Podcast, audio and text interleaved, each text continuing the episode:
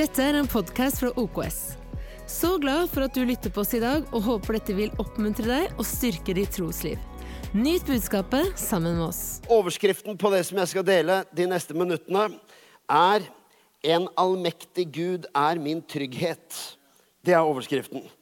Skjønner? Allmektig Gud. Det er jo ordet 'allmektig' er jo veldig ofte liksom omtalt eller adressert i forbindelse med at det er noe litt krevende, eller kanskje til og med for noen noe negativt. Mange kristne har erfart det spørsmålet. Ja, hvordan kan du tro på en allmektig Gud hvis prikk, prikk, prikk? Og så tar man ulike hendelser. Hvor mange har vært i en eller annen samtale som troende der du har blitt konfrontert med den? Hvordan kan du tro på en allmektig Gud hvis sånn og sånn? Jeg skal ikke gå løs på den problemstillingen i dag, men selvsagt, den kjenner alle til. Vi vet å forholde oss til det, og det er mange, mange ting man kunne sagt om det. Men så kan det også være at for den vanlige nordmann så, så er ordet allmektig eh, Hva skal jeg si? Man ville aldri hatt en allmektig politiker. Nei, det ville vi ikke. Vi ville aldri hatt en allmektig lærer. Vi ville ikke hatt en allmektig foreldre, tenkte jeg det. Ungdommer. Allmektige foreldre. Noen, ja, det har jeg allerede, er det noen her som sier det, kanskje, men eh, Nei, Så ordet allmektig i seg selv er jo på en måte liksom litt sånn blanda feeling. Men en allmektig Gud er vår trygghet. Johannes' åpenbaring, kapittel 1 vers 8. Dette står om Jesus Kristus. Jeg er alfa og omega, sier Herren Gud. Han som er, og han som var, og som kommer, den allmektige. Til deg som ikke er så vant med å lese Bibelen, så er Jesus sier ikke at han er ulike bilmerker. Bare i tilfelle du, den tanken eh, for deg sier å, Alfa Romeo, Opel Omega er min favorittklassiker. Dette er Alfa Omega er det første og siste bokstaven i det greske alfabetet. Jeg er begynnelsen og slutten. En allmektig Gud er min trygghet. Så tre ting, tre knagger å henge det på. Nummer én. En allmektig Gud er min trygghet for verden eller i verden. En annen måte å si det på en allmektig Gud er min trygghet i historien. Fordi vi lever i litt spesielle tider, det har vi kanskje sagt til alle tider, men vi lever i virkelig spesielle tider. Og mange kjenner på en uro med hvilken retning tar verden. Kanskje har man en, en tanke om de tingene som er annerledes enn bare for 10-15-20 år siden. At en del hendelser som på en måte har rystet litt oss i våre grunnvoller.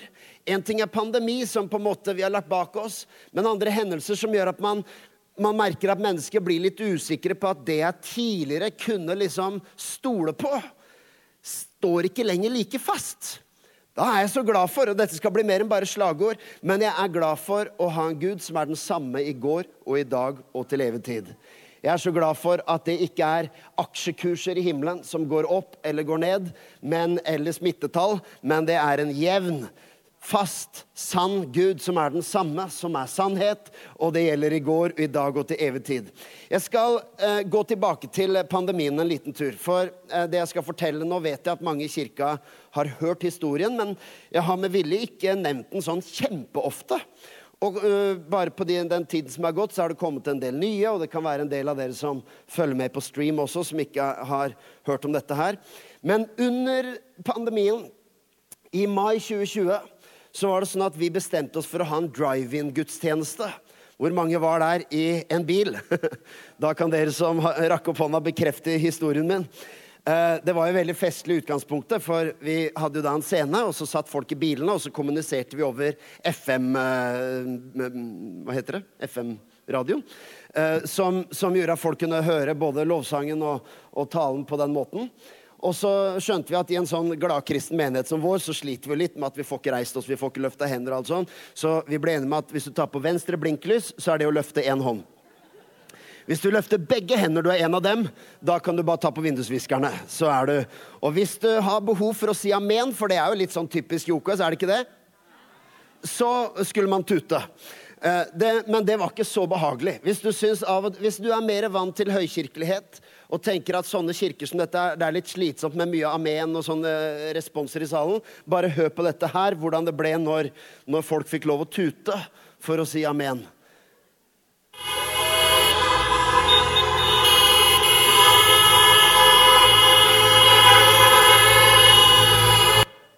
Så bare tenk på det hver gang du syns det kan bli litt mye. Det der er alternativet. Og så var vi enige om at du kunne tute, og hvis talen var så sterk at du ble berørt i tårer, kunne du kjøre litt spylevæske opp på ruta, og så var det på en måte ditt uttrykk for det, da. Men konteksten her var at det var skikkelig møkkavær. Vi hadde gleda oss, rigga oss til. Noen her som var med på det prosjektet og gjorde en ganske helhjerta jobb. ikke sant, Håvard? Og man, man sto på for å få det til. Og litt sånn skuffelse at været var så grått, for det var mai.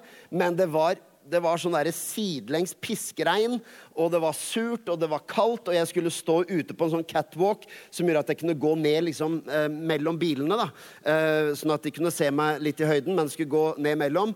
Eh, og jeg har vel aldri fryst så mye under en eh, preken noensinne. Men så skjer det noe spesielt, og dere som, dere som var der, vet hva jeg snakker om. Fordi jeg hadde en preken som handla nettopp om eh, Jesus som alfa og omega. Jesus som begynnelsen og enden. Husk, dette var i mai 2020. Vi var fortsatt usikre på hvordan dette kom til å ende. Det var fortsatt eh, Hva skal jeg si? Eh, det var ikke noe, vil jeg si, i hvert fall ikke i kirkens leire, noen panikkstemning, men samtidig litt spenning, litt uro, litt sånn, litt sånn rar atmosfære på hvor, hvor, hvor, ender dette? Hvilke konsekvenser får dette? Kommer det til å vare i en måned til, eller ti år til, eller hva kommer til å skje? Og så forkynner eh, håper å si, Det er ganske grått vær og det er grått over det hele. Idet jeg skal begynne å tale, så begynner det sakte og sikkert å sprekke opp et skikkelig lys på venstre siden fra skyene. Det skinner gjennom eh, en, Det ble et veldig spesielt lys. Du vet hvordan det kan være litt sånn på ettermiddagstid eh, på våren og høsten. Så er det ikke sånn at jeg aldri har sett et sånt lys før, men det var helt spektakulært. Det var liksom på eh, Alt var grått, og så bare var det som en sånn lyskaster på ene siden. Eh, så jeg var litt fascinert av det lyset. Og mens jeg går mellom radene, eller mellom bilene, så snakker jeg om at Jesus er begynnelsen og enden. Jeg, jeg bruker den illustrasjonen her. Og så sier jeg at du vet, når Jesus sier 'ikke bekymre dere', så sier jeg det kan jo egentlig være en ganske Når noen sier 'ikke bekymre deg', så kan det i verste fall være en irriterende ting å høre. Når du bekymrer deg. Jeg må ikke bekymre deg nå. Ja, det skjønner jeg jo. Det er jo det jeg gjør. Ikke sant? Når noen sier ja, 'ikke vær redd'. Ja, men jeg er jo redd! Eller noen har flyskrekk, sier 'det er mye farligere å kjøre bil'. Er ikke, er ikke, den fin? Ja, nå er jeg redd for å kjøre bil også. Takk for den, liksom. Det er det, forresten. Men, eh, men jeg snakker om hvordan eh, setningen 'ikke bekymre deg' den kan i verste fall være egentlig bare sånn eh, litt sånn ting man sier som ikke, ikke betyr noe, med mindre den som sier det, har informasjon du ikke har. Da er det vekt i det. F.eks. når jeg ser en fotballkamp i opptak. Dette skjer ikke så ofte, men på søndager så får ikke jeg sett de matchene jeg skal se, for vi har en lang arbeidsdag. Og så vil jeg se opptaket på kvelden, og så, jeg, så sier jeg kanskje til ungene ikke fortell åssen det går, for jeg vil gjerne leve meg gjennom av en eller annen grunn vil jeg lide meg gjennom smertene live. Uh, så, så jeg, jeg, vil se det live, og så havner laget mitt under. Eh, og så havner det under 1-0, og så havner det under 2-0. Og jeg blir fortvila, og jeg blir oppgitt. Jeg lurer på hva skjer nå? Må vi bytte trener igjen, eller hva er det sånn? Du kan se. Men så ser jeg på ungene mine. For gutta de veit åssen dette slutter. Og hvis dette Jeg må et par år tilbake for å finne et eksempel, men de vet at laget mitt vinner. Så kan jeg se på hele ansiktet dem, så kan jeg se at de bare For de skal ikke si noe, men de, det kommer til å gå bra! De sitter der, og hele ansiktet deres lyser. 'Pappa, ikke bekymre deg. Vi vet åssen det går til slutt.' Du skjønner, Det er kun den som er begynnelsen og enden, som har vekt og tyngde og troverdighet til å si 'ikke bekymre dere'. For jeg er alfa og omega. Jeg er begynnelsen og enden. Det er mye mellom der vi ikke forstår. Det er mye som også kan være smertefullt. Men en kristen sitt liv er egentlig bare skvist inn mellom to seire. Den seieren Jesus vant på korset når han roper 'det er fullbrakt', der vi fikk vår tilgivelse, der vi fikk nåden. Altså Nåden eksisterte, men det er der Gud ble menneske. Der på en måte det man før måtte inn i et tempel for å få, det man før måtte opprettholde bud og regler for å få, det man før måtte kanskje gjennomføre ritualer for å få, det fikk vi nå av nåde ved troen på Jesus Kristus. Så fikk vi hans rettferdighet. Så det er den ene seieren som ligger tilbake i vår historie. Og foran i vår historie ligger dagen som Bibelen taler om, at all, hver munn skal bekjenne Hvert kne skal bøye, Og hvert, hver munn skal bekjenne at Jesus er Herre. Det er vår fremtid. Så det fins en seiersdag i vår fortid, det fins en seiersdag i vår fremtid. Og så sier ikke jeg at det nødvendigvis gjør din torsdag ettermiddag og møtet du gruer deg til, lett. Men jeg sier at for en kristen så er det en større identitet og et større perspektiv enn bare kun hva som gjør vondt på torsdag. Det handler om at mitt liv er alt som skjer, er en midlertidig det som er vondt spesielt, er midlertidig mellom seieren Jesus vant på korset, og den seieren som jeg vet kommer til å være for meg i en evighet. Det betyr ikke at vi tar lett på dette livet. Det betyr verken at vi ikke skal nyte og omfavne dette livet, og det betyr heller ikke at vi skal benekte smerten i dette livet, men vi lever med dette ekstra drivstoffet. Vi lever med denne vissheten om at han som sa til meg 'bekymre dere ikke', han vet hva han snakker om. Han er begynnelsen og enden. Mens jeg snakker om dette Nå tok jeg mye lengre runde enn jeg gjorde på på drive-in-gudstjenesten. For da snakker jeg bare om, om det, det, første eksempelet der. Da laget mitt fortsatt kunne vinne en kamp i, innimellom. Så, så uh, står jeg der, og så er det en som roper ut fra vinduet. Jeg vet fortsatt ikke hvem det var, men det var en ung jente som ropte ut Se på, se på regnbuen! Se på andre siden! Se på regnbuen! Uh, er, er, det noen som vet hvem de var, hvis du ropte ut av vinduet til meg? Var en som rulla ned vinduet. Var det Tina Bjones? Var det det? Ah. Så takk, Tina, hvis du ser på. Tusen takk. Og så snur jeg meg, og så er det rett og slett en så spektakulær regnbue som jeg aldri har sett før eller siden. Og jeg tenkte, I dag har produksjonsteamet virkelig levert. Så altså jeg tenkte, Må jeg melde Håvard her og si takk? Det her var rått, liksom.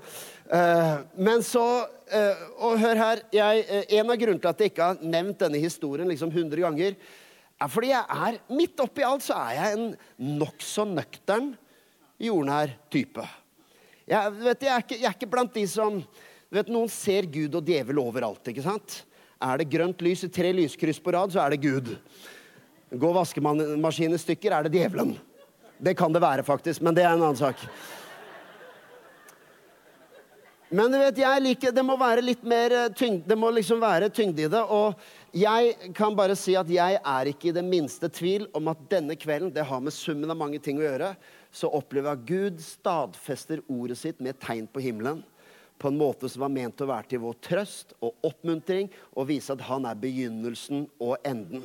Han har kontroll fra start til slutt. Når vi ikke forstår, når vi har mange spørsmål. Um, vi, kan ta uh, en kikk på Um, jeg, det er sånn, Ingen film ikke noe kamera yter det full rettferdighet, men vi kan ta en liten kikk, så får du et blikk på hvordan det her så ut. Dette er filma fra en mobil inni, inni et kjøretøy. Hvis det er én ting som er sant om Gud, så er det at han vet noe som vi ikke vet. Som sagt, Det betyr ikke at alt ender sånn som vi ønsker oss, men uansett hvilken situasjon du er i i dag, så kan du gjerne visualisere og se for deg liksom Gud sitte sammen med deg og smile og si 'Jeg vet åssen det går til slutt'. Jeg er begynnelsen og enden. Ikke så jeg prøvde å ta et panoramabilde også, for det, det, var ikke så lett. Det var lys på ene siden og regnbue på andre siden. Så jeg fikk et pa panoramabilde med mobilen, og her skjønner du hvordan det så ut. Amen? Så det, du, du, kan, du, kan, være så jordnær du bare vil. Du får ikke snakka meg fra den opplevelsen jeg hadde den dagen. Jeg kommer aldri til å, til å glemme det. Og jeg knytter det til dette bibelverset eh, Matteus 24,6.: Dere skal høre om kriger, og det skal gå rykter om krig. Se da til at dere ikke lar dere skremme. Det er evangeliet.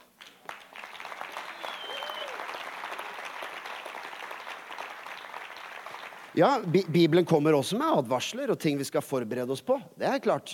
cirka sier at det bare det er det eneste Bibelen sier om tidene og om historien. Men det er rart også hvordan av og til kristne plattformer blir en slags At det blir kilden til mer bekymring og skaper frykt. Når vi har fått Hans ord for å være forberedt, for å forstå og for å se, og for å tro på det Jesus sa, se da til at dere ikke lar dere skremme. Så det er, det er, hva det kristne evangeliet er kjennetegnet av. En allmektig Gud har kontroll på historien. Ikke alt jeg forstår, det er ikke alt som er Guds vilje nødvendigvis, men jeg vet at han har kontroll på historien, og det en allmektig Gud er min trygghet. Nummer to, en allmektig Gud er min trygghet for menneskene omkring meg. Jeg skal bare zoome inn ett eksempel spesifikt. Det er mange ting jeg kunne sagt om dette, men for deg som er bekymret for noen omkring deg, kanskje barna dine, Kanskje noen slektninger. Kanskje det er sykdom i familien. Og, og, jeg skal ikke stå her i dag og love at alt det kommer til å gå nøyaktig sånn som alle håper på, men jeg skal bare zoome inn én ting. Um, og det er, det er den bekymringen Det er ikke sikkert det gjelder så mange akkurat dette her, men jeg har møtt på unge mennesker. Kanskje var dette mer vanlig før. Som bar på en bekymring og en byrde av at hvis ikke jeg vitner om Jesus, så er jeg ansvarlig for andre menneskers fortapelse. Da går de glipp av evangeliet, og det var min skyld. Og så kjenner man på en urgency og et ansvar om at jeg må fortelle, jeg må på en måte lede mennesker til tro. Um, og som sagt, det er ikke sikkert det er mange som bærer på akkurat den tanken i dag. Men jeg opplever at Jesu misjonsbefaling gir oss både en, et kall og et oppdrag i denne verden, men gir oss også en vanvittig trygghet. Hør på misjonsbefalingen i Matteus 28, 18. Den består av to setninger. Den første er 'Meg er gitt all makt i himmel og på jord'. Gå derfor og gjør alle folkeslag til disipler.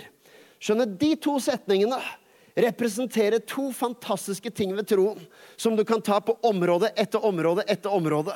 Også når det gjelder historien, det politiske, økonomien, eller hva det nå skulle være. Den ene siden er 'meg er gitt all makt'. Det som jeg nettopp har beskrevet for deg. At den setningen gir oss en trygghet i at Gud har kontroll. Jeg kan ikke ta hele verden. Du kan ikke ta hele verden på dine skuldre. Hvis ditt oppdrag som kristen er med utgangspunkt i at Gud er i trøbbel, og hvis ikke jeg gjør jobben min, så kollapser hele planen, så kommer du til å bli så utmattet og sliten av å tjene ham. Hvis du tjener med utgangspunkt i at Gud har kontroll, men på det fundamentet så har jeg fått et ansvar og et oppdrag av å forvalte livet mitt, forvalte pengene mine, forvalte relasjonene mine, forvalte gavene og kallet mitt. Ikke for at Gud skal, skal slippe å puste tungt og, og, og, kan liksom endelig trekke et lettelsens sukk fordi jeg gjorde jobben min. Nei, han har gitt all makt. Det gir meg hvile og ro og setter meg fri fra bekymring som pastor i OKS, hvis jeg skulle lagt meg hver kveld og tenkt at hvis jeg mister dette her, ja, da, da er Kristen-Norge i vanskeligheter. Nei, jeg er så glad for, spesielt med tyngden av det ansvaret som vi har. Og jeg syns det var fantastisk å høre på alle, alle tallene og alle takkerapportene. Så kan du også, når du leder hele greia, sitte og tenke skal vi, skal vi gjøre dette igjen i 2024? Og så kjenner du på ansvaret. Jeg er så glad for at jeg kan få lede med utgangspunkt i Han har gitt all makt. Jeg frykter ikke. Vi tjener en Gud som har kontroll, som er god. Han har ikke kontroll. Når mennesker hører ordet kontroll, tenker man automatisk undertrykkelse. Nei, vi har en Gud som er 100% kjærlighet. Og når en som er 100% kjærlighet, har kontroll, da er ikke jeg redd og bekymret. Men på den annen side så sier Jesus også 'gå derfor ut'. Så den tryggheten, den gjør ikke meg passiv, likegyldig og gjøre at jeg blåser i ansvar. Nei, jeg opplever at det er et mønster gjennom hele Skriften. At denne, begge disse dimensjonene fordi når, Jesus sier 'gå derfor ut', så betyr det at min respons og mitt forvalterskap utgjør en forskjell i denne verden. At jeg har tro og ansvar. Jeg har ikke en sånn Jeg husker når pappa han, Grunnleggeren av OK sitter her i dag, forresten. Åge og Lillemor Åleskjær er her. Jepp. Fantastisk. Jeg husker du, du sang den derre Du sa det var den verste sangen du visste i hele ditt liv. Det som skjer, det skjer. Jeg kan ikke si deg mer. Det, det sa han og var oppriktig sinna når han sang det. Kessera, sera. Og tanken er det som skjer, det skjer. Det er ikke hva Jesus formidlet til oss. Meg er gitt all makt, så kessera, sera. Det som skjer, det skjer. Nei, meg er gitt all makt. Gå derfor med det du er blitt gitt. Det fins no, Den beste Eller den, en av måtene å oppsummere det ansvaret på, er å si at kristent lederskap og kristent forvalterskap er uten bekymring og med ansvar. Det er veldig slitsomt, uansett hvilket område det er, å leve med bekymring og uten ansvar. Det er sånn det ofte kan ende. Når man mister kontroll f.eks. på økonomien sin, så kan man se mennesker som lever uten ansvar, men med bekymring. Den kristne måten er å leve uten bekymring, men med et ansvar. Gå derfor ut. Og det kan du ta på mange, mange områder. Jeg tror jo også kanskje ting som mennesker er bekymret for i tiden. Så tror jeg på den ene siden så kan man ikke enten gjelde økonomien eller miljøet eller fremtiden eller nasjonene, så kan man ikke tenke at dette står og Hvis ikke jeg kildesorterer, så kollapser hele planeten. Si at du ikke skal kildesortere. Jo, selvsagt skal vi det. Men jeg snakker om den frykten og uroen. Og, du skjønner, Frykt har aldri gjort verden til et bedre sted. Det fins en sunn bekymring som handler om å, om å gardere seg, ta på sikkerhetsbeltet når du kjører bil. Og så fins det på en måte ting som, ting som er sunt i å, i å, kunne se hva man må ta forholdsregler. Men denne drivende frykten som gjør at man mister håpet for fremtiden, man mister håpet for neste generasjon, og man tenker snart kollapser hele greia hvis, hvis ikke prikk, prikk, prikk. Nei, Da er jeg så glad for at en kristens tilnærming er ikke uten ansvar. Den er med ansvar. Vi har fått et forvalterskap, vi har fått en planet å forvalte. Men jeg kan, det finnes ikke noe bibelsk belegg for å forvalte verken livet, familien, økonomien, planeten, troen, kallet, med en kime, med en undertone av frykt. At hvis ikke jeg gjør dette her, så er Gud i trøbbel. Jeg er så glad for at det er jeg som er i trøbbel uten Gud. Men med han så er jeg i gode hender, for han er begynnelsen og enden. Amen. La oss gå til det tredje og siste. Den som har troen har roen. Nummer tre. Og så skal vi avslutte. Jeg tror rett og slett du må ta på innlevelsen igjen. Ja. Så sorry, Det var ikke lenge du fikk ta de ut av øra. Men vi går til det tredje og siste. En allmektig Gud er min trygghet for livet. Romerbrevet 8,28, kjent for veldig mange. Vi vet at alle ting virker sammen til det gode for den som elsker Gud. Det er et vers som betyr veldig mye for meg personlig.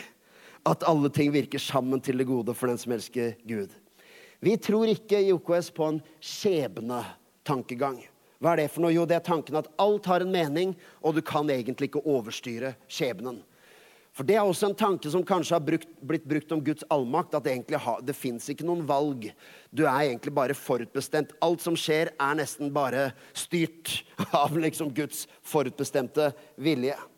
Vi tror ikke at det i kristen tro er grunnlag for å si at absolutt alt som skjer, er Guds vilje. Um, dette er komplisert å ta i en kort andag på 25 minutter. Men uh, det er noe uh, La oss bare hoppe rett i konklusjonen og si at tanken om at ja, det er en mening med alt at ikke, Den hjelper ikke alltid mennesker. Kan jeg, få, kan jeg få si det hvis noen har mistet en av sine kjære ved et dødsfall? så tror jeg ikke det er noe jeg tror ikke det er god sjelesorg å si ja, nå har Gud hentet hjem en engel. Jeg tror ikke det er noe trøst alltid å høre at ja, ja Gud ville ha han eller henne hjem til seg. Det fins en type forståelse der der vi der det at, Gud, det at Gud er allmektig det at Gud har kontroll, i stedet blir en fryktelig vond ting. Jeg tror ikke Det er, det fins mange ting vi kan si til en som sørger. Vi, kanskje noe av det beste man kan si, er f.eks.: Du, jeg vet ikke helt hva jeg skal si, men jeg er her. Det er en bra kristen tilnærming.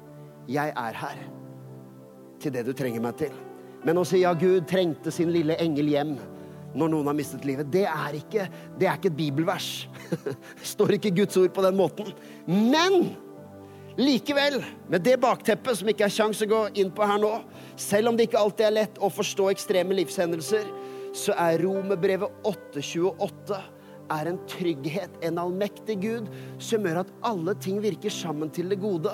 Som helt konkret og praktisk i vårt liv betyr at jeg tror ikke på uflaks. Jeg tror ikke på å leve med en identitet at jeg, havn, jeg hadde uflaks og jeg ble urettferdig behandlet. Jeg tror at selv de verste og mest uheldige øyeblikkene Allting kan overlates til Gud. Og så kan jeg si, 'Gud, det her var vondt, det her skjønner jeg ikke, det her har jeg ikke peiling på', men jeg gir det til deg. Og så vet jeg at selv på korset, i den mørkeste timen, i den mørkeste stunden hvor det så ut som alt var tapt, og hele planen var i ferd med å kollapse, og djevelen fikk sin vilje ved at han tok livet av denne sendebæreren, av denne Messias, viste seg å være verdenshistoriens største seier. Jeg sier ikke at det alltid er sånn i livet at det mørkeste alltid betyr liksom, det er noe positivt rett rundt hjørnet. Men jeg sier at det, i, vår, i, vårt hjem, og til og med litt sånn i ganske hverdagslige ting, så er det liksom Det kan være som at uh, Du vet, kanskje du, er, kanskje du er skoleelev og jobber for karakterer. Og så for å komme inn på en eller annen sånn greie måtte du akkurat ha 5,2, du fikk 5,1. Så tenker du hvor uheldig du er, hvor urettferdig det var, hvordan du hadde fortjent den plassen. Eller andre ble valgt foran deg i køen på en jobbsøknad der egentlig det var du som skulle ha den. Og du syns at du kanskje var den beste kandidaten, og så var det en annen som ikke var den beste kandidaten, og som du kjenner en del av svakhetene til, ble valgt rett foran deg. Det er lov å kjenne på at det er surt. Men for en kristen så er det noe med å leve med en identitet av uflaks. Er ikke forenlig med Romerbrevet 828. Så til og med med ungene. Når de Jeg og Theo har hatt noen fine bilprater, vi, når, eh, når ting ikke gikk akkurat som han ønska, eller man kunne føle at det var litt stang ut eller litt uflaks. Så sitter vi og prater om uh, Tar vi noen eksempler, så hender det ikke, prater ikke masse om dette, men innimellom at jo, men fordi det der ikke gikk som du ønska, så fikk du jo vært med på det. Og hvis, hvis, det hadde gått noen annen vei, så hadde du aldri opplevd det. Nei, det er sant. Og vet du hva? Jeg prøver ikke å si at eh, vi skal forstå alle ting i livet, men mitt poeng er bare en allmektig Gud er en trygghet for meg og mitt hjem og mitt liv.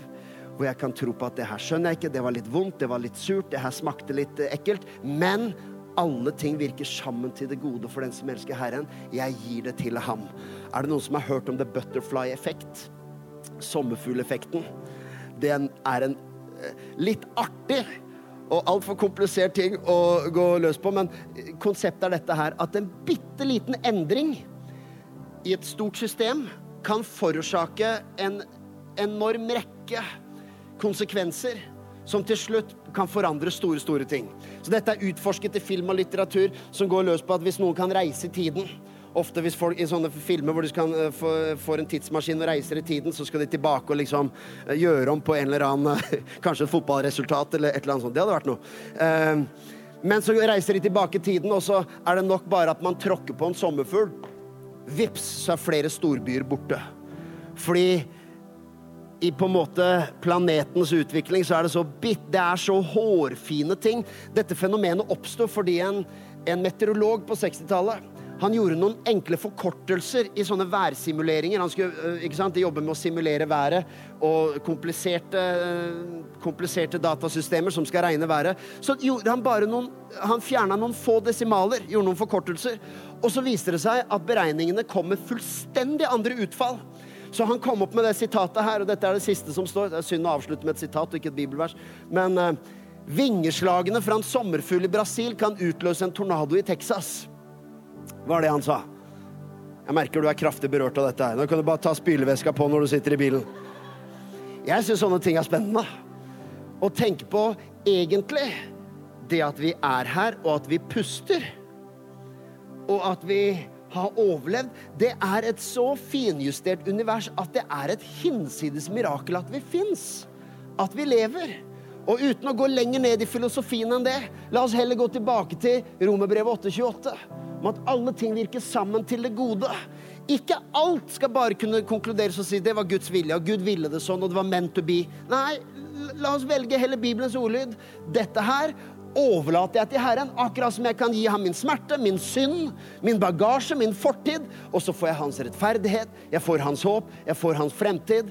På samme måte kan du gi Gud din uflaks, ditt stang ut, de små tilfeldighetene som ikke gikk din vei. Så kan du si, Herre, alle ting virker sammen til det gode.